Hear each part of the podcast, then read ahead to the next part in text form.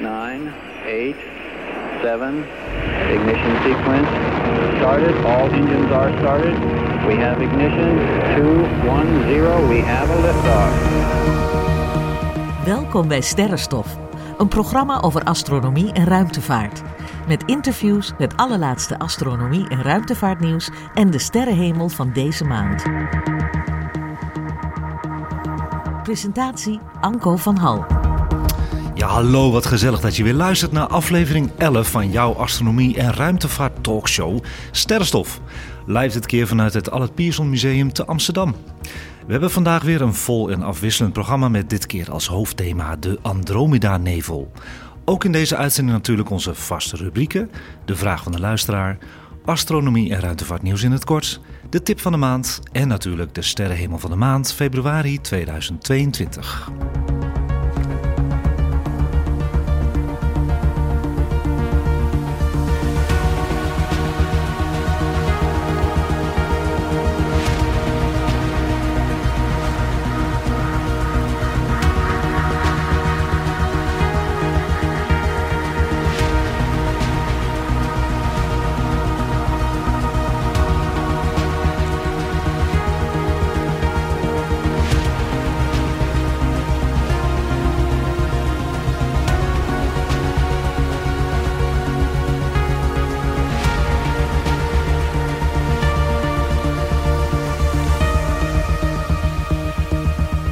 Ja, hallo allemaal. Welkom bij het Alle Pierson Museum, de nieuwe studio. Wie heb ik dit keer allemaal aan tafel? Ik, ik ben er weer. Ja, Helene. heerlijk. Ja. Mensen herkennen je stem, denk ik ook. Ja, ben je, ben, je, ben je- ben je een beetje wakker? Het is ochtend. ja, ik ben hartstikke wakker. Maar Vanaf half negen eh, er werd bij mij eh, thuis eh, verbouwd, enorm op straat. Dus, Oh, oké. vanaf kwart voor zeven al, dus ja. Ja. En wie heb ik nog meer? Eh Abe. Abe Alweer. is er weer. Abe is er weer. Ja, lekker. Ook met koffie. Ook met koffie en koek. En koek. Heb je al Lekker. koek op? Ik, nee, nog niet. Die heb Oh, ik bewaard voor de aflevering. Een, een, een gevulde koek. Een gevulde koek, ja. Dan hebben we ook nog wat publiek. En dat is eh, Jeroen, die zit eh, daar helemaal aan die kant. Die gaat even kijken hoe wij een uitzending maken bij Alle Pierson. En Maas, welkom. Hartstikke leuk. Leuk met publiek. Ja, dat is toch wel gezellig, hè? spannend, ja. En sowieso heel spannend. Want eh, ja, een nieuwe locatie. En eh, wie, doet, wie verzorgt onze audio? Dat is Sam. Welkom, Sam de Jong, ja. Sam de Jong. Ja. Hartstikke leuk. Hey, Dus en het Allepiers van is weer open. het is weer open. We mogen weer. We hebben vorige keer in de lockdown opgenomen, ook deze maand. Dat was op de zolder, hè? Van, van de eh, engelbewaarder. En het is Studio de Engel, hè? Was dat? Hebben we omgedoopt. Maar nu zitten we in het Allard Pierson. Hartstikke mooi. Mooi weer buiten. We kunnen zo naar buiten kijken. Maar voordat we beginnen, ga ik ook altijd even kijken wat, wat wij hebben gezien afgelopen maand aan de sterrenhemel. Nou zeg, hebben jullie nog wat gezien eigenlijk?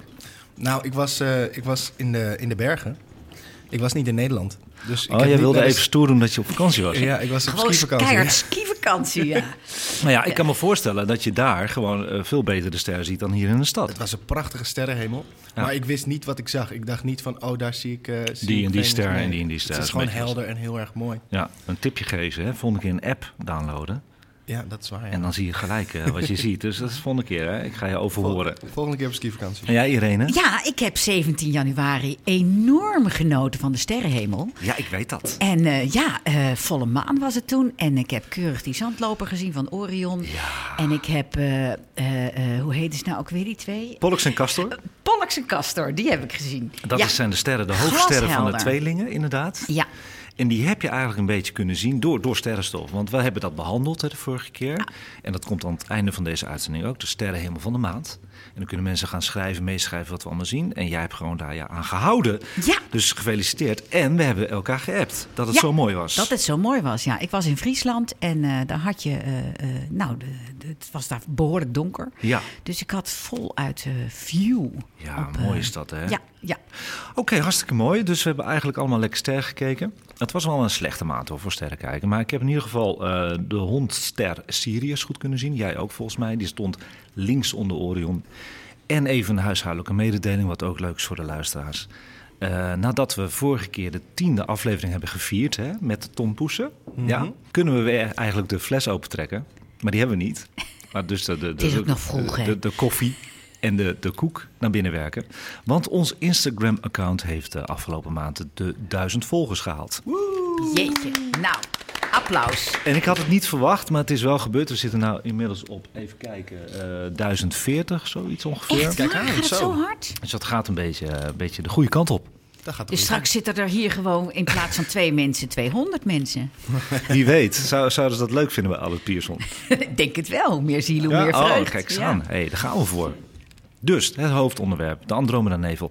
Heeft iemand enig idee waar ik het dan over ga hebben, de Andromeda-nevel? Ik kijk naar Abe. We kijken naar Abe. Abe weet wel iets, toch, van de Ik weet, Andromeda-nevel? ja, ik, weet, ik weet wat het is, maar voor de rest wat er allemaal in zit en zo, daar heb ik heel weinig eh, weet van. Dus ik hoop dat jij mij dat bij gaat Ja, ja, ja. Nou, wat misschien wel leuk om een beetje interactief te maken, de uitzending. Dat iedereen nu die luistert even de telefoon erbij pakt. Of de iPad. Doe maar hoor, ik wacht gewoon. Mag ik En dat ga- dan toe? Ja, gaan we even. En dan gaan we naar Sterrenstof Nieuws, de Instagram-account. Als jullie Instagram hebben, überhaupt.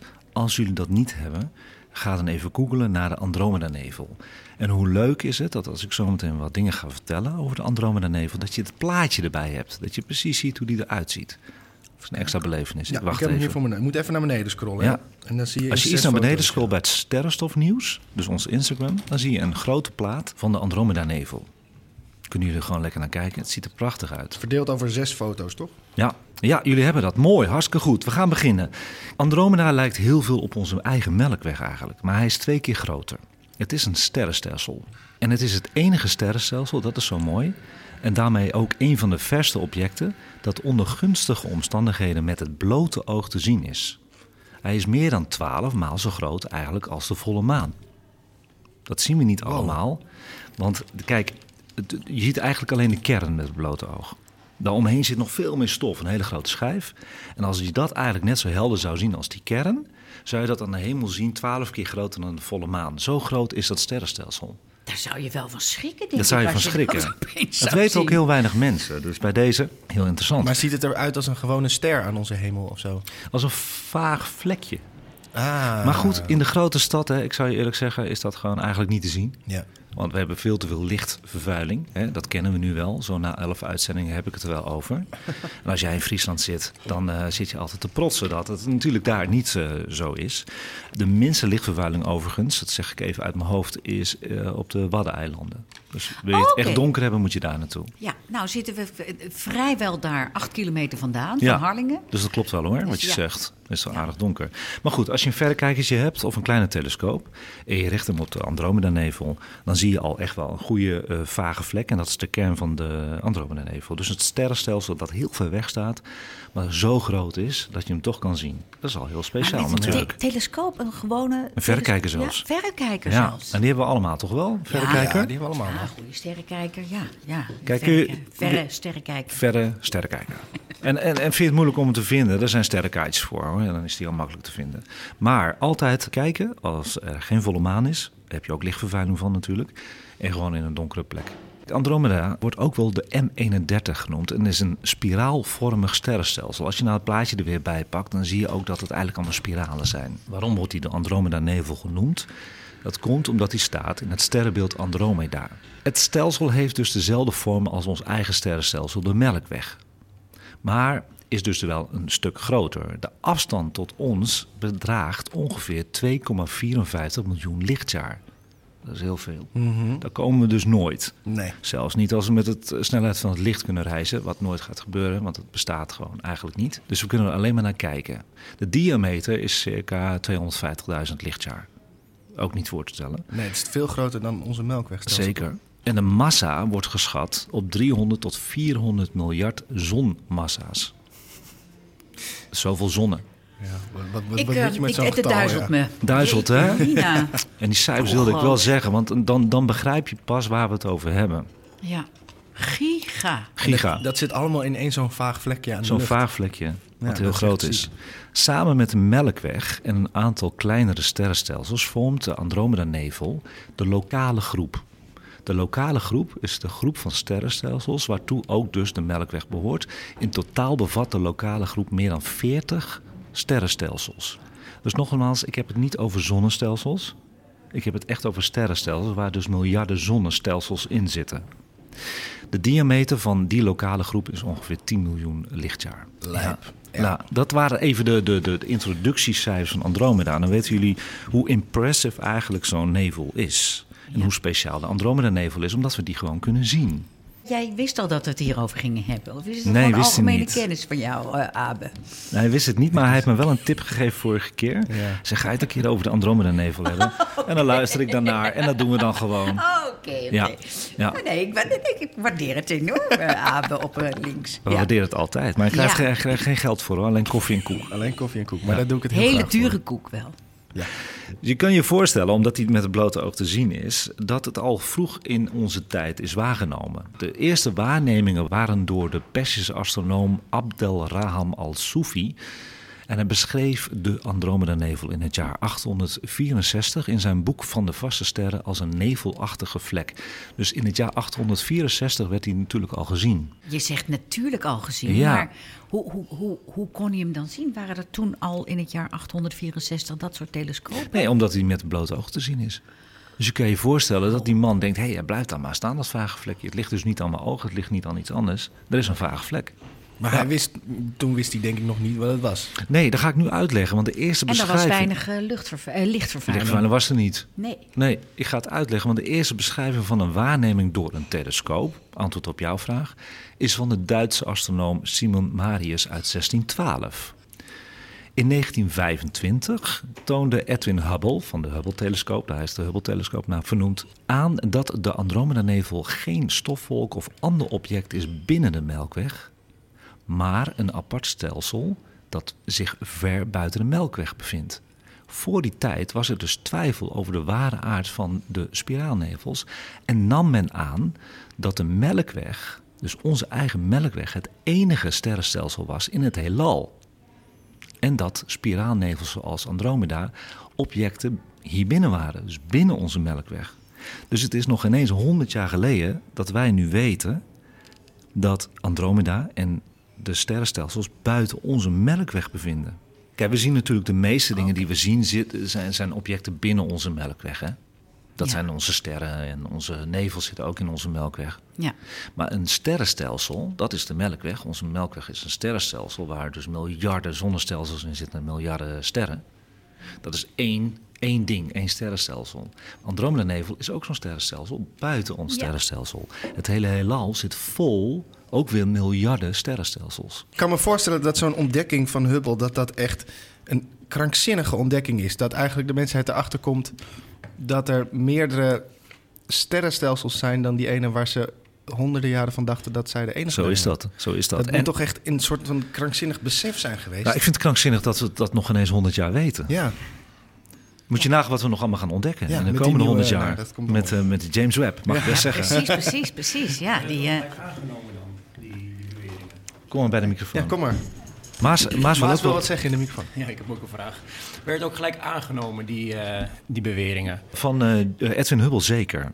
Ja, Dat is, ja, dat is een gerenommeerde wetenschapper. Dat werd gelijk aangenomen. Zeker. oké. Ja. Zeker. Bedankt, Maas. Ja, en dan komt Jeroen even. Eh, Wat is dan eigenlijk een sterrenstelsel? Hoe definieer je dat? Hoe, eh, hoe bepaal je dat eigenlijk? Ja, een sterrenstelsel zit, er zitten alle sterren bij elkaar. En, en miljarden sterren. En, en dat zijn zonnen. En daaromheen zijn natuurlijk allemaal eh, planeten. En die zijn bij elkaar allemaal door de zwaartekracht van de kern van het melkwegstelsel, van een sterrenstelsel. Die draaien allemaal om die kern heen. De kern van een sterrenstelsel zijn ook zwarte gaten. Die trekken dat met allemaal aan. Dus je moet je voorstellen zoals ons zonnestelsel werkt. Hè, met onze zon in het midden. Dat is ook een zwaartekrachtbron natuurlijk, die zon. Daar draaien wij als planeet omheen. Een sterrenstelsel is eigenlijk in het groot hetzelfde. Maar dan met miljarden sterren die om die kern heen gaan. Jeroen knikt. Heb jij nog een aanvulling daarop, Abe? Klopt wel, hè? Ongeveer. Nee, ik vind dat je het hartstikke goed uitlegt. Ja, en wat wel mooi is om te zeggen ook over Andromeda, zijn heel veel dingen te zeggen. Hij is heel groot, dus hij is twee keer groter dan onze Melkweg. En hoe komt dat? Nou, dat heb ik een beetje onderzocht. Hij is eigenlijk een alleseter. Want waarnemingen met de Hubble ruimtetelescoop suggereren een dubbele kern. Dus niet één kern zoals onze Melkweg heeft, maar een dubbele kern. Wat het gevolg zou kunnen zijn van een botsing met een ander sterrenstelsel in de vroege geschiedenis van de lokale groep waar we allemaal in zitten. Dus astronomen hebben een stukje cannibalistisch verleden van het Andromeda-stelsel ge- gereconstrueerd. Dat betekent dat hij dus eigenlijk kleinere soortgenoten heeft opgeslokt. Voor het laatst is dat gebeurd enkele miljarden jaren geleden. Van deze stelsels zijn nog herkenbare restanten terug te vinden in de vorm van tientallen bolvormige sterrenhopen. En sterrenhopen, de naam zegt het al, allemaal sterren bij elkaar. Een soort clusters. Clustertjes. Ja. Clustertjes. Ook zijn zwakke sporen ontdekt van dwergstelsels die al veel eerder, mogelijk 10 miljard jaar geleden, door het eh, Andromeda-stelsel zijn opgenomen. Zou eh, deze Andromeda-nevel ons stelsel ooit kunnen opslikken? Ja, het gaat over botsingen. Want begin 2012 heeft een groep wetenschappers aangetoond dat in de toekomst er een botsing met onze Melkweg en Andromeda zal plaatsvinden. Hoe zijn ze daar nou achter gekomen? Nou, dit heeft te maken met het Doppler-effect. En dat is heel leuk uit te leggen. Het is weer een term, een nieuwe term voor iedereen, maar wel een hele essentiële term, dus die moet ik wel uitleggen. Het effect werd genoemd naar de Oostenrijkse natuurkundige Christian Doppler, die in een praktisch voorbeeld van het Doppler-effect in het dagelijks leven het volgende voorbeeld heeft. Het is vooral sterk bijvoorbeeld bij uitrukkende voertuigen van hulpdiensten, doordat deze met hoge snelheid rijden. Op een kort moment hoor je de oorspronkelijke toonhoogte van een sirene, namelijk op het moment dat het voertuig ons passeert. Maar daarna vervormt het altijd, hè? Ja. Dus hoe verder het geluid van de sirene gaat, hoe meer het vervormt. Dat is met geluid, het Doppler-effect. Maar in de astronomie is het Doppler-effect mogelijk nauwkeurig vast te stellen of een hemellichaam zich naar ons toe of van ons af beweegt door middel van licht. Hiervoor is natuurlijk nodig dat men weet wat de oorspronkelijke golflengte van het licht is. En dat is eenvoudig te meten. Dus wanneer een ster zich van ons afbeweegt, wordt waargenomen dat de kleur naar het rood verschoven is. Dat noemen ze een roodverschuiving. Omgekeerd, wanneer de ster zich naar de waarnemer toe beweegt, wordt een spectraalverschuiving naar het blauw waargenomen. De spectraalverschuiving, het Doppler-effect bij Andromeda, is dus Eh, het wordt blauwer. is blauw. Dus dat betekent dat Andromeda met een bloedgang van 110 km per seconde naar ons toe komt. Is trouwens het Doppler-effect een beetje duidelijk voor jullie? Ja, Ja? absoluut. Klaar, helder. Maar het is wel met een noodgang, kunnen we wel zeggen. Nou, maar dit, dit gaat natuurlijk heel, heel erg eh, een heel, heel mooi evenement worden. Maar Dat goed, gaan we dan nou, niet eh, meemaken. dat gaan wij niet meemaken. nee, hoop gelukkig ik. hebben jullie dat door. Dat gaan we niet meemaken. Maas wel, die is heel jong. Die gaat dat misschien nog meemaken. Ja, nou, dat, dat, dat, dat denk ik ook niet. Maar goed, Andromeda staat dus zo bizar ver van ons vandaan... dat het nog zo'n 4 miljard jaar zal duren voordat het zover is. En wat gebeurt er dan? Hè? Stel je nou voor dat wij eh, zouden kunnen blijven leven nog een paar miljard jaar. Hoe zien we dat dan aan de hemel? We kijken nu even naar buiten. We zien de grachten zo en we zien die huisjes zo. Hè? En het wordt donker. Ja? En dan als die, als, we- stel dat we 3 miljard jaar verder zijn nu. Hè? Wauw. Je, je ziet het al voor je, Beetje, beter onderhoud van de kades hier eh, is dan nog wel nodig. Ja, goed. Maar in ieder geval, dan komt hij op. En je hebt het plaatje van Andromeda voor je, want dat heb ik gezegd. Hier. Ja, ja. Zie je dat aan de hemel? ja. Zo komt hij op. Dat is echt ziek. Ja, Dus het is bijna de helft van de hemel is vol met de Andromeda-nevel. dat is echt een soort spooky, Star Wars-achtige enge film. Met heel veel theremin-muziek erachter. Ja, het is, het is natuurlijk hartstikke mooi science fiction. Er zijn natuurlijk ook planeten die dat al gewoon zien. Zo'n zo'n nevel. Niet de Andromeda-nevel, maar een andere nevel. Eh, er zijn zoveel planeten, dus eh, elk planeet heeft een ander uitzicht natuurlijk. Kijk, wij gaan het niet meemaken. Want de mensheid is dan of uitgestorven al, over 3 miljard jaar... of we zitten al lang ergens op een andere planeet. Want de zon die gaat natuurlijk zichzelf ook opblazen. Hè? Over 3 miljard jaar is hij ook een stuk groter. Dan heeft hij Mercurius en Venus ook al opgeslokt. Maar even in theorie... Stel dat we dan verder kunnen, hè, een paar miljard jaar later. Dan zien we dat zo boven die huisjes zo eh, boven. eh, De, de, vastgoedmagnaten in Amsterdam zijn er niks bij qua opvreten. Ehm, Ja, wat Anko, ja. die, eh, als die, als die twee, deze twee sterrenstelsels, eh, hoe zeg je, botsen, ja. knallen sterren dan ook tegen elkaar? Of zit daar te veel ruimte tussen? Ja, nou kijk, er zullen waarschijnlijk heel weinig directe botsingen tussen sterren plaatsvinden. want- Omdat de sterrenstelsels voornamelijk uit lege ruimte bestaan. Hè? Ehm, dus de, de twee sterrenstelsels zullen fuseren, dus samensmelten. Wel zullen door de onderlinge zwaartekracht de sterren sterk verstrooid worden. En zal dus ook de zon waarschijnlijk rond worden geslingerd. Bij deze botsing zal ook de driehoeknevel die erbij staat betrokken zijn. De M33, de driehoeknevel, is ook een spiraalvormig sterrenstelsel dat op een afstand van 3 miljoen lichtjaar staat. Dit sterrenstelsel nadert met een snelheid van 182 km per seconde de Melkweg en is door middel van zwaartekracht losjes aan de Andromeda-nevel eh, gebonden. Dus die komt eerder aan. Oké dan. Ja, die zien we nog iets eerder. Niet alleen zien, maar daar worden we ook door opgeslokt, denk ik dan. Ja, we gaan fuseren hè, met ze. Ja. Spannend, hè? Wat een spannende transitie. Ja. Maar de, de vraag is natuurlijk ook van heel veel mensen en van wetenschappers: is er leven dan ook in het Andromeda-sterrenstelsel? Ik bedoel, we zitten nu leven te zoeken buiten onze aarde. Ja. We kunnen de planeten en de manen binnen ons zonnestelsel een beetje bereiken. Met onbemande ruimtevaartuigen. Dan gaan we ook eens even kijken naar exoplaneten. Exoplaneten zijn natuurlijk planeten binnen onze melkweg, buiten ons zonnestelsel. Dat heet exoplaneten. Hebben we het ook over gehad bij sterrenstof. Zijn er heel veel ontdekt al. Dus er zijn genoeg planeten binnen onze melkweg. Maar buiten onze melkweg, hoe heet dan een exoplaneet? Denken jullie?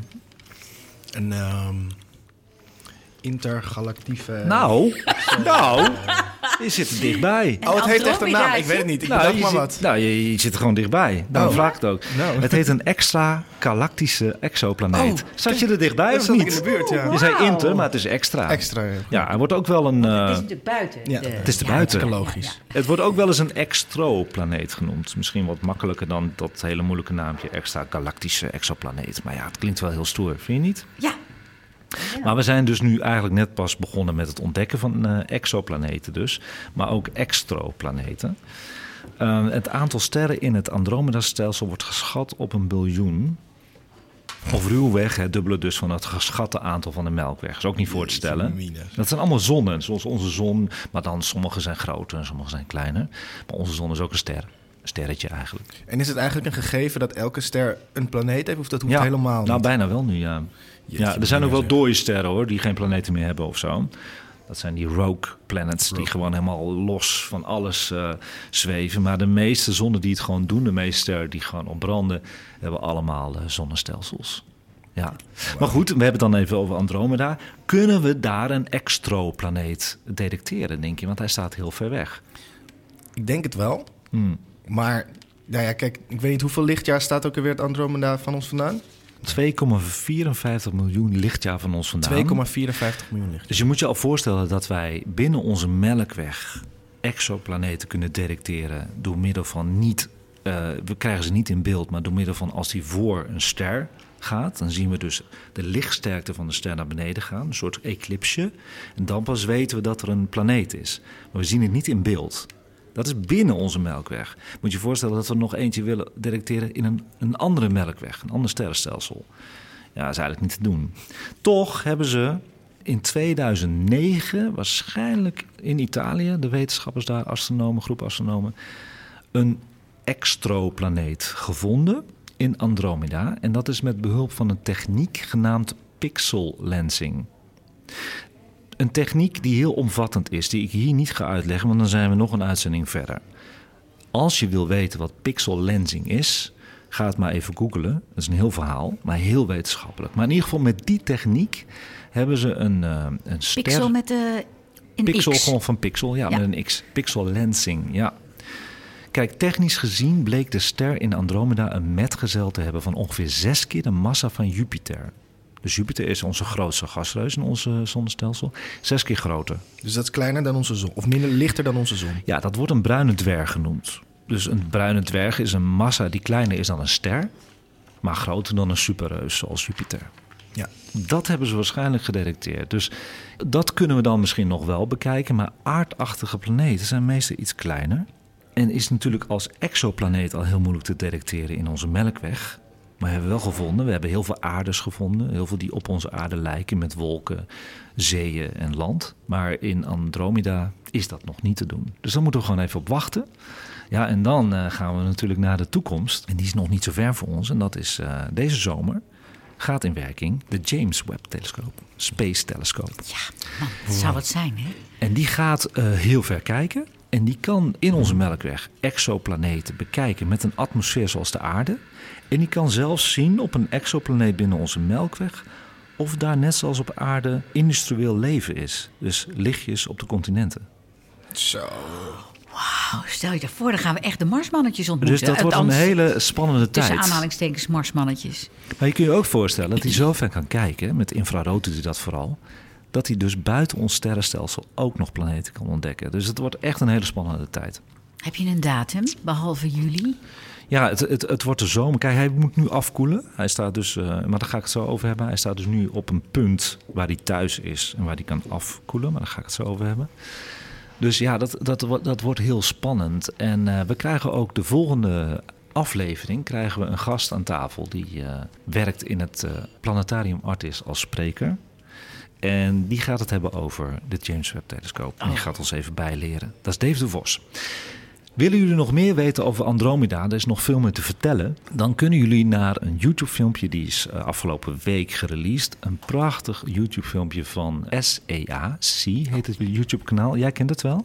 Ja, ik, ja, C is goed, hè? Ja, ja, dat is echt Ja, fantastisch. is goed. Ja. Heeft inderdaad, daar, daar- daarom had ik aan jou voorgesteld van misschien is Andromeda wel een hele leuk onderwerp om het over te hebben. Omdat hij dat filmpje had uitgebracht. Ja, ja dus is eh, twee weken geleden uitgebracht. Ik heb hem helemaal gekeken. En die die gaat nog een stap verder. Maar zover dat we daar twee uitzendingen voor nodig hebben. Dus die kun je gaan bekijken als naam Journey to the Andromeda Galaxy. Kun je de link niet vinden? Nou, dat werkt heel goed. Dan ga je mij DM'en gewoon op Instagram en dan stuur ik je de link door. Het is echt een heel fijn filmpje om te kijken. Ik raad het heel sterk aan om te doen. Hartstikke mooi. Dus bij deze. En in de toekomst wordt het dus gefuseerd, hè? de Melkweg en Andromeda. Weet je hoe dat gaat heten? Dat is een officiële wetenschappelijke naam voor. Die maak je raden. Hoe heet Andromeda en de Melkweg samen? Ja, zeg het maar. Ja, het is een beetje... Milkomeda. En het is echt waar. Het is echt waar. Milkomeda? Dat is de nieuwe naam voor het monstersterrenstelsel. Maas. Wa- waarom zijn ze daar nu al mee bezig als het nog eh tegen miljoen jaren Ja, ze willen, ze, willen, ze willen gewoon die fusie van Andromeda en, en, en de Melkweg... willen ze helemaal in beeld gaan brengen. Dat hebben ze al met computeranimatie in beeld gebracht, hoe dat bij elkaar komt. Dus die naam moest komen. Want het gaat gewoon gebeuren. Ze hebben dat helemaal kunnen berekenen. Dus ze hebben een naam gevonden voor één groot monstersterrenstelsel. Waar, ze zelf, waar de mensheid zelf geen deel van Nee, gaat uitmaken. nee, nee, ja, we gaan er wel Is, deel is van het domein uitmaken. al geclaimd? hey, ga maar zoeken. Milkomeda en dan .nl. Ja. Dus bij deze jongens, het onderwerp Andromeda, hebben jullie nog vragen daarover? Ja, nog heel veel, maar ik hoor eh, dat jij een, gewoon een tweede uitzending hieraan gaat wijden. Misschien wel, als jullie dat Ja, willen. ik ga het filmpje even kijken. Laten we lekker in het diepe duiken, zou ik zeggen. ja, Ja. geweldig. Of als, eh, al- al- als Web een keer met iets naar buiten komt, dat we dan nog een tweede aflevering erover maken. Ja, in, dat wordt in juli. in juli. Ja. Wat een jaar, jongens, dit. Wauw. Oh, Oh, we kunnen niet wachten. Ja, en dan gaan we natuurlijk naar de rubriek die we altijd ook heel leuk vinden. Dat is de vraag van de luisteraar. Maar het wordt een eh, hele speciale vraag van de luisteraar, want het wordt de vraag van de luisteraars. En hoe komt dat? Oh, spannend. Nou, eh, Irene en ik hebben het al over gehad. We gingen met z'n tweeën eigenlijk sterren kijken, maar dan op afstand, hè, digitaal. Heel erg lockdownerig ook wel eigenlijk. Oh, er zat genoeg, dat. eh, er zat meer dan anderhalve meter tussen. En hoe kwam dat nou? Nou, vorige maand stond de hondster Sirius centraal als kijktip in onze podcast. Heb ik hem uitgelegd wat het is en hoe je dat kon bekijken. Nadat ik in één van de spaarzame heldere avonden dus een Instagram-foto had gedeeld op Instastory van Orion en Sirius, had ik met mijn telefoontje gemaakt, dat is nog aardig gelukt, gingen mensen daadwerkelijk op dat moment, toen ze die Instastory zagen, gingen ze naar buiten kijken om even mee te kijken. Waaronder ook dus Irene. Daarop volgden een aantal DM's op Instagram met één en dezelfde vraag. En wel, waarom knippert Sirius zo ontzettend veel meer dan de andere sterren? Die vraag heb ik een paar keer gehad die avond. Dat is heel leuk uit te leggen. Ja, dat Want is het ook is wel leuke zo. vraag. Ja, dus hoe zit dat? Nou, op kuke.nl, altijd goed om een bronvermelding te doen, vond ik de mooiste uitleg. Sirius heeft een witte tot blauw-witte kleur, maar de ster flikkert soms met alle kleuren van de regenboog en wordt daarom ook wel de regenboogster genoemd. Wist ik zelf ook niet hoor. Daar heb ik Oh. ook van geleerd.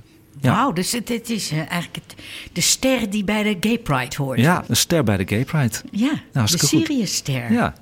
Kunnen ze misschien wel wat mee. Nou, ik weet nog wel toen ik die grote telescoop had vroeger. eh, en ik richtte die op Sirius. Kijk, sterren worden nooit bolletjes in een telescoop. Hè. Het blijven altijd puntjes. De planeten worden bolletjes in een telescoop. Want het staat dichtbij en het is gewoon een, planeet. Sterren blijven een puntje. Maar wat me altijd opviel als ik hem ging vergroten in een verrekijker of in een eh, telescoop. Ja, zag je hem gewoon fonkelen. Ja? Alsof hij ronddraaide heel hard. Met allerlei kleuren. En dat doet Sirius heel erg. Maar hoe komt dat nou? Het heeft niks te maken met Sirius zelf, niet met die ster zelf. Het heeft te maken en wordt veroorzaakt als de heldere ster door de deken van de atmosfeer van de aarde schijnt. Ja. Vanuit onze breedtegraden staat Sirius vaak laag aan de horizon, waardoor het licht een lange weg door de atmosfeer moet afleggen voor het onze ogen bereikt. Veranderingen in dichtheid en temperatuur beïnvloeden het licht en veroorzaken het flikkeren en knipperen als we naar Sirius kijken. Dit gebeurt ook bij andere sterren trouwens, zoals Capella in de zomer. Maar doordat Sirius zo helder is, de helderste ster op dit moment van de winterhemel, en relatief laag boven de horizon staat, valt het bij deze ster het meeste op. Vandaar dat ik die vraag allemaal kreeg. Dat is het antwoord. Snappen jullie dat? Ja, Maar dus als... Dus eigenlijk in een kort antwoord, waar komt het door? Door ons, ja, door onze atmosfeer. Maar en niet door de eh, ster als, zelf. Als bijvoorbeeld die Hubble-telescoop er naartoe kijkt, dan ziet hij dat niet. Flikkert hij niet. Oh. Welkom bij Sterrenstof, een programma over astronomie en ruimtevaart. Met interviews, het allerlaatste astronomie- en ruimtevaartnieuws en de sterrenhemel van deze maand. Presentatie Anko van Hal. en dan is het nu tijd voor ander astronomie- en ruimtevaartnieuws in het kort. Ja, en ik heb goed naar je geluisterd, Irene. Want vorig jaar was je een beetje verbouwereerd. Want ik had er maar twee. En dat vond je helemaal niet leuk. Je wilde er drie. Ja, ik onthoud Al het het komt in drieën, zeg ik dan. Precies. Ik heb drie nieuwtjes gevonden. En, en goede nieuwtjes ook. Jullie zitten altijd op te wachten. En ja, ik heb ze gewoon hoor. En recent, hè. Ik heb nieuwtjes gevonden van de afgelopen week.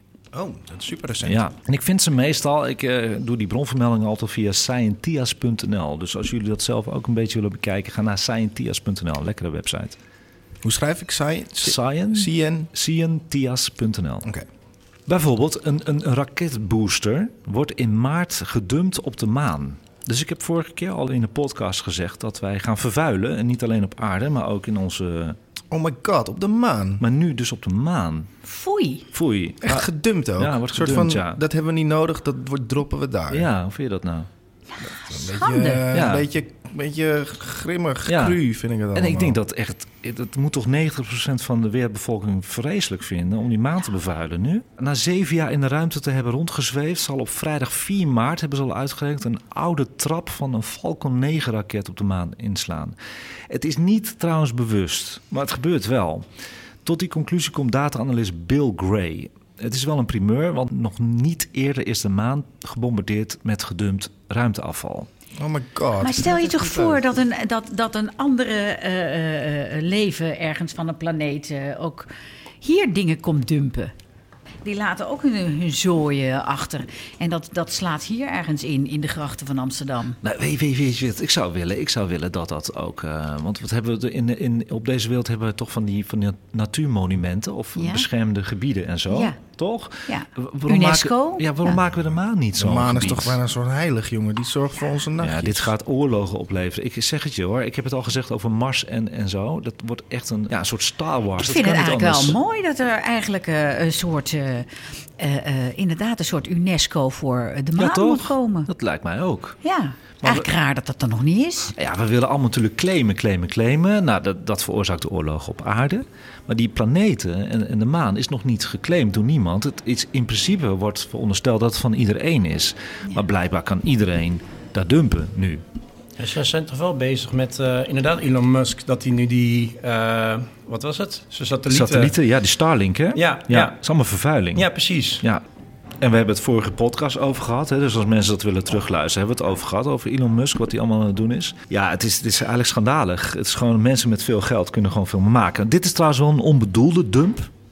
Maar ja, het is niet de bedoeling. eh, schiet het dan kapot of zo. Ja, dat zeg ik wel makkelijk. Ja, of zorg dat je het weghaalt. Zorg dat je het weghaalt.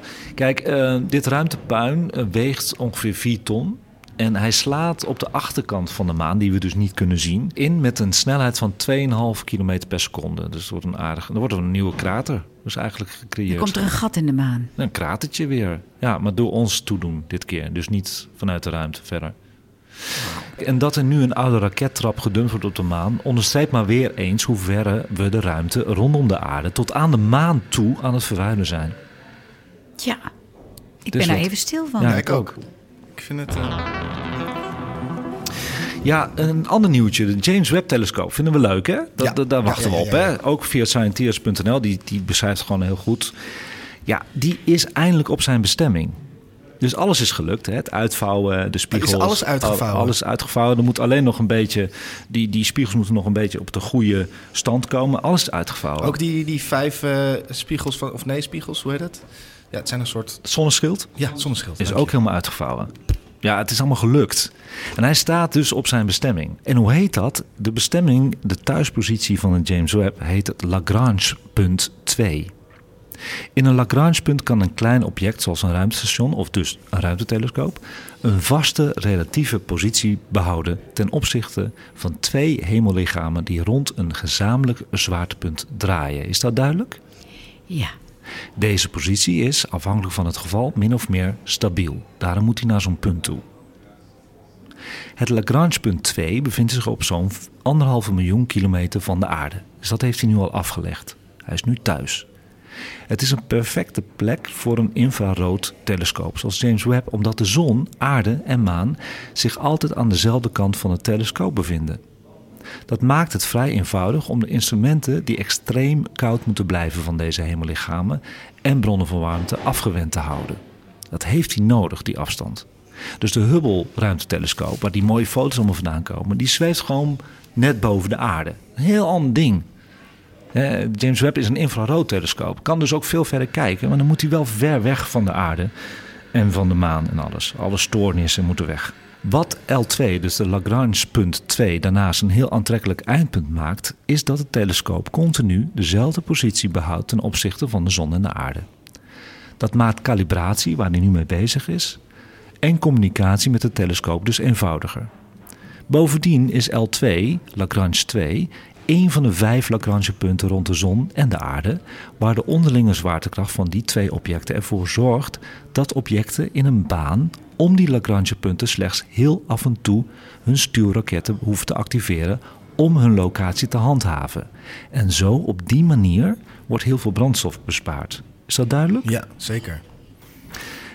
Wat ik al zei, in een volgende podcast van Sterrenstof gaan we met amateur-astronoom Dave de Vos uitgebreid hebben hoe en wat de James Webb-telescoop vanaf de zomer allemaal gaat bekijken en gaat ontdekken. En zijn er in die weg naar Lagrange punt 2 ook nog dingen fout gegaan met uitvouwen? Of is alles Alles is goed gegaan. Ja, het is raar. Even afkloppen. Alles is tot nu toe goed gegaan, ja. Wauw. Ja, en er was nogal wat risico, hè? Laatste nieuwtje alweer, Irene. Vind je het jammer? Ja. Maar dat is een heel spannende ook. Er is een mysterieus ruimteobject gedetecteerd... die elke 18 minuten een radiosignaal uitzendt. Zo. Oeh. Daar hebben wij niks mee van doen, hè? Ik kom je wel de deur in huis vallen. Nee, nee, nee, nee. Ga er maar voor zitten.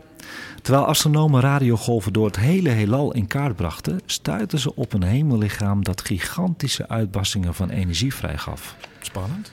Ja. Heel spannend. Ja, en het is anders wat ze ooit hebben gezien hoor. Het draaiende ruimtevoorwerp, gespot in maart 2018, straalde drie keer per uur straling uit. Op die momenten werd het de helderste bron van radiogolven die vanaf de aarde zichtbaar was. En werkte als een hemelse vuurtoren. Wow. Ja, Zo. astronomen, Wat, wat, wat is het? ja, astronomen denken dat het een overblijfsel kan zijn van een ingestorte ster, bijvoorbeeld. Ofwel een dichte neutronenster of een dode witte dwergster met een sterk magnetisch veld. Dat zou kunnen. Of een ufo.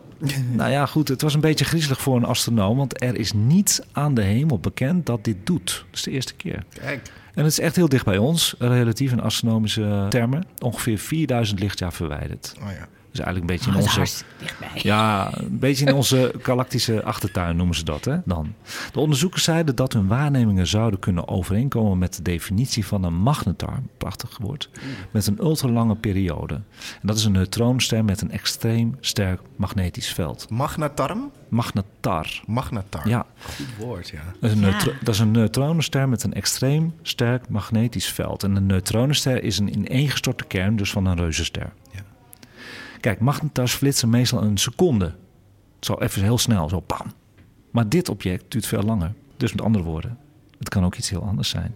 Nou, En, en sinds 2018 ontdekt, maar nog steeds. Ja, nog steeds. En we weten nog steeds niet wat het is. En het waarom- komt dichterbij, of? Nou ja, het is vorige week in het CNN-nieuws gekomen zelfs. Dus eh, En ook niet op de voorpagina van de krant. maar nou is CNN ook wel van 24 uur per dag. Dus die moet ook wel heel die moet ook vullen. Ja. Ja. Tot dusver de astronomie- en ruimtevaartnieuwsjes van eh, deze maand. Leuke nieuwtjes. En dan heb ik nog iets anders en dat is de tip van de maand. En dat is leuk, want we zitten in Albert Pierson. Ja! Wil jij de tip voorlezen? Want je was zo enthousiast over die kaart. Ja, We gaan het gewoon doen. Eh, Spontaan, een- improvisatie. Een kaart. Even kijken. Hier zit hij, hè? En nu we in het zo mooie grote Albert Pierson Museum zitten... in Hartje, Amsterdam... is het natuurlijk wel heel leuk om te vertellen... dat dit museum een speurtocht heeft... middels een grote sterrenkijkerskaart. Ja, Jeetje, prachtig ding. ja heel mooi ding. Echt heel mooi. Eh, met deze mooie speurtochtkaart met opdrachten laat Albert Pierson de favoriete voorwerpen in het museum zien. En hoe werkt dat? Wil jij dat eh, uitleggen? Ja, ja hoor, zeker. Nou, je hebt de kaart in handen. Ja? Het ziet er prachtig uit. Ja. Achterkant is ook weer anders. Een soort voor, eh, A3-formaat. Ja. En met allemaal kleurtjes. Ontzettend Nou ja, die kaart kun je gratis halen in Albert Pierson hier. De musea zijn weer open, Albert Pierson dus ook. Je gaat verschillende zalen in waar je informatie krijgt over hoe bijvoorbeeld de oude Egyptenaren naar de sterrenhemel keken. En waar je oog in oog staat met oude sterrenkaarten en schilderijen van sterrenbeelden. Wat leuk. Kijk, het is hartstikke leuk voor kinderen. Maar volwassenen zullen er zeker ook wat van eh, kunnen leren. Zoals ik ook van leren. En jij ook. Ja. De grote, leuk, ja. toch? Ja. De grote sterrenkijker speurtochtkaart is gratis te krijgen in het museum vanaf nu. Superleuk dit. Hey, eh, Anko. Ja. Ik ben wel benieuwd wat ik eh, komende februari aan de sterrenhemel kan zien. ja, want daar leer je wel wat van. Ja, Ja. En jij ook, Irene? Ja, ja, ja, zeker. Ik kijk echt heel anders eh eh, s'nachts naar boven. Ja, ik heb wat voor jullie. Pak je agenda maar erbij trouwens weer. En luister of schrijf mee wat er allemaal te zien is aan de sterrenhemel van februari 2022.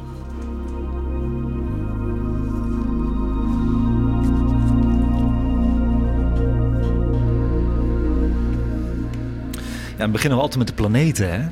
Dat is zo leuk.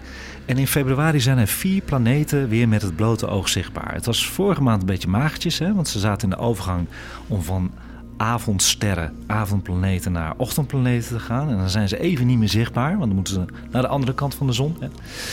Ja, en nu wel. Maar dan moet je wel vroeg opstaan. Hè? Dat is nu, eh, nu aan de hand. Of heel laat naar bed. Kijk, in deze wintermaanden is het nog donker, Irene, om half acht. Dus dat valt wel mee. Kijk, Saturnus bijvoorbeeld, die hebben heel veel mensen gemist, is deze maand niet waarneembaar en komt langzaam aan pas in april weer tevoorschijn aan de ochtendhemel. Dus die moeten we wel missen, Saturnus. En die is eigenlijk wel heel mooi natuurlijk door de telescoop te bekijken. Want, als jullie dat nog niet weten, Saturnus is met een verrekijker zelfs al te zien als een planeet met een ring. Maar in een verrekijker zie je het als een soort eitje.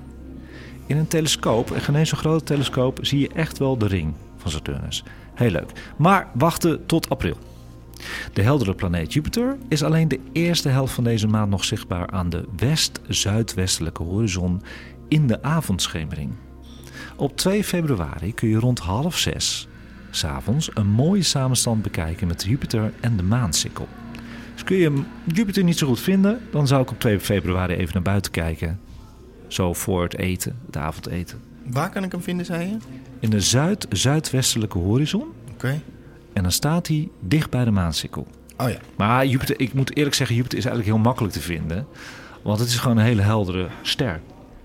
Grote planeet en schijnt gewoon heel helder. Alleen eh, de eerste helft van de maand nog. Dus eh, ik zou het gewoon eventjes eh, bekijken. Voor de andere zichtbare planeten moet je voorlopig dus vroeg opstaan. Toevallig staan Mercurius, de kleine hete planeet, Venus, de hele hete planeet, en Mars, mijn favoriete planeet, alle drie in hetzelfde sterrenbeeld. En wel in boogschutter. Dat is natuurlijk heel bijzonder. Ze zijn allemaal bij elkaar. Ja. Boogschutter is te vinden in de ochtendschemering in het zuidoosten. In de eerste dagen van februari kun je de kleine hete planeet Mercurius nog zien laag in het zuidoosten. De rode planeet Mars steekt een beetje onopvallend af rechts onder de zeer heldere planeet Venus. Maar als je nou een beetje geoefend oog hebt, dan kun je echt wel kleurverschil zien. Venus helder wit, schittert ook echt. Mars is echt wel oranje. Dus dat is wel leuk om te zien als ze bij elkaar staan, het verschil tussen die twee. Op 27 februari staat de maan dicht bij Venus en Mars. Ze staan dan mooi op één lijn. Bekijk deze mooie samenstand rond 7 uur in de ochtend. Als het helder is, hoop ik, dan ga ik een foto maken ervan en zet ik op een Insta-story. Leuk. Nou, wat is nog meer te zien in februari? In de nacht van 16 op 17 februari kun je weer eens proberen de helderste ster van sterrenbeeld Leeuw te spotten. In deze nacht iets makkelijker dan normaal, want dan staat de volle maan linksboven Regulus. En het sterrenbeeld Leeuw is in het Allard heel goed te zien. We hebben daar een heel groot, eh, ja wat is het eh, Sam? Is het een doek of is het een schilderij? Wat is het? Ja, Een gipsafgietsel, zegt hij. Heel mooi, heel groot. Ja, en wat is Regulus eigenlijk? Regulus is een blauwe reus. Een blauw betekent dat de ster superheet is. En 10.000 maal meer energie produceert dan onze zon. Betekent dat dat hij in een bepaalde status van zijn leven juist aan het begin of aan zijn eind is? Of niet per se? Deze staat in het begin. Dus hij Dus- is nog super jong. Ja, dus hoe, hoe roder een ster wordt, hoe meer die aan zijn einde is eigenlijk. En hoe minder heet. Regulus staat 79,3 lichtjaar van ons vandaan en heeft maar liefst drie begeleiders. Leuk hè? Oeh. Ja. Je weet dat Sirius had er één hè? Ja, Sirius A en B. ja dat was super gaaf. om elkaar heen draaien. En deze heeft er drie. Deze heeft er twee. Ja, er zijn dus zonnen en sterren. Onze zon is gewoon in zijn eentje hè, met onze planeetjes. Hartstikke leuk. Maar er zijn gewoon sterren die ook begeleiders hebben. Die om elkaar heen draaien. Dus dat planetensysteem om die drie is helemaal bijzonder. Want dan heb je een soort Star effect. Als je dan de zon ziet opkomen, dan zie je er twee opkomen bijvoorbeeld. Hè? Of de ene Dat is gaat wel onder en de ander komt op. Dat is verwarrend. Of drie. Ja. Ja. zo moet je het voorstellen. Heel verwarrend. Dat een soort soort werelden. stereozon. Ja. dat soort werelden bestaan dus. Hij heeft drie begeleiders bestaan uit een blauwe subreus, een oranje dwerg en een rode dwerg. Dus het zijn ook gewoon nog drie verschillende leeftijden bij elkaar. Absoluut. Die elkaar hebben aangetrokken en dan lekker om elkaar heen dansen. Beetje de drie kleine biggetjes, maar dan met leeftijdsverschil. Ja, ja, precies. Ja. Dus dat is wel leuk. Dus als je dat sterrenbeeld Leeuw ziet, ja, oké, daar staat hij dan. En dan denk je leuk. En dan zie je die heldere ster van Leeuw, dat is Regulus. Maar nu weet je wat Regulus is. Dat is leuk. zeg. Ja. Die begeleiders trouwens overigens, hè, Abe, die zijn niet met het blote oog zichtbaar. Nee, oké. oh, je ziet niet, de- zeg maar, het licht dat je ziet is van de helderste ster. Het is ja, niet dat ja. je ze alle drie samen een soort van als Ook niet in een telescoop. Nee, ook niet in een telescoop. Nee, want hij overstraalt die begeleiders eigenlijk, hè, Regulus. Zei je ook niet dat eh, Andromeda te zien ging zijn deze Ja, maand? kan ik het nog even over hebben? Andromeda, dat is, eh, De Andromeda-nevel is overigens gewoon nog steeds zichtbaar, maar is wel echt een herfstverschijnsel en een winterverschijnsel. In de zomer staat de Andromeda-nevel te laag. Hè, die staat in het sterrenbeeld Andromeda en die staat dan te laag aan de horizon en dan zie je hem gewoon minder. Maar hoe, met, met bloot oog? Ja, maar wel in een heel donker gebied, hè? Ja, bijvoorbeeld in de bergen. Ja, in de bergen. Ga je, ga je weer naar de bergen? Nee. Oh. Of in Friesland? In Friesland, In Friesland. ja. Of in De Texel? Waddeneilanden, ja. Ja, Ja. ja. Texel, Terschelling. En tot zover Sterrenstof voor de maand februari 2022 weer. Live, dit keer voor de eerste keer eh, vanuit het Allard Pierson Museum te Amsterdam. Vergeet mij niet te mailen voor vragen, opmerkingen en tips over astronomie en ruimtevaart op sterrenstofnieuws.gmail.com. En je kunt natuurlijk Sterrenstof altijd vinden op Instagram. Die hebben jullie voor je als het goed is nu. Met onder andere audiograms, nieuwtjes en eigen astrofotografie als het lukt van de hemelverschijnselen van de maand. Volg ons op Sterrenstof Nieuws. Terugluisteren kan altijd via amsterdamfm.nl, Soundcloud, iTunes en Spotify. En ik wil graag Sam en het Allard Pierson Museum bedanken dat we hier op deze mooie locatie de podcast mogen maken. Dankjewel. En natuurlijk bedankt eh, Abe en Irene weer voor de medewerking als de essentiële sidekicks. Jij bedankt, Nou, Anko. en- en we hebben nog een eh, uitgebreide eh, een, een, Ja, aangevuld met eh Maas. Vinken en Jeroen de Vries. Bij deze jongens bedankt hè. Iedereen bedankt voor het luisteren. Tot de volgende keer. En kijk eens wat vaker omhoog.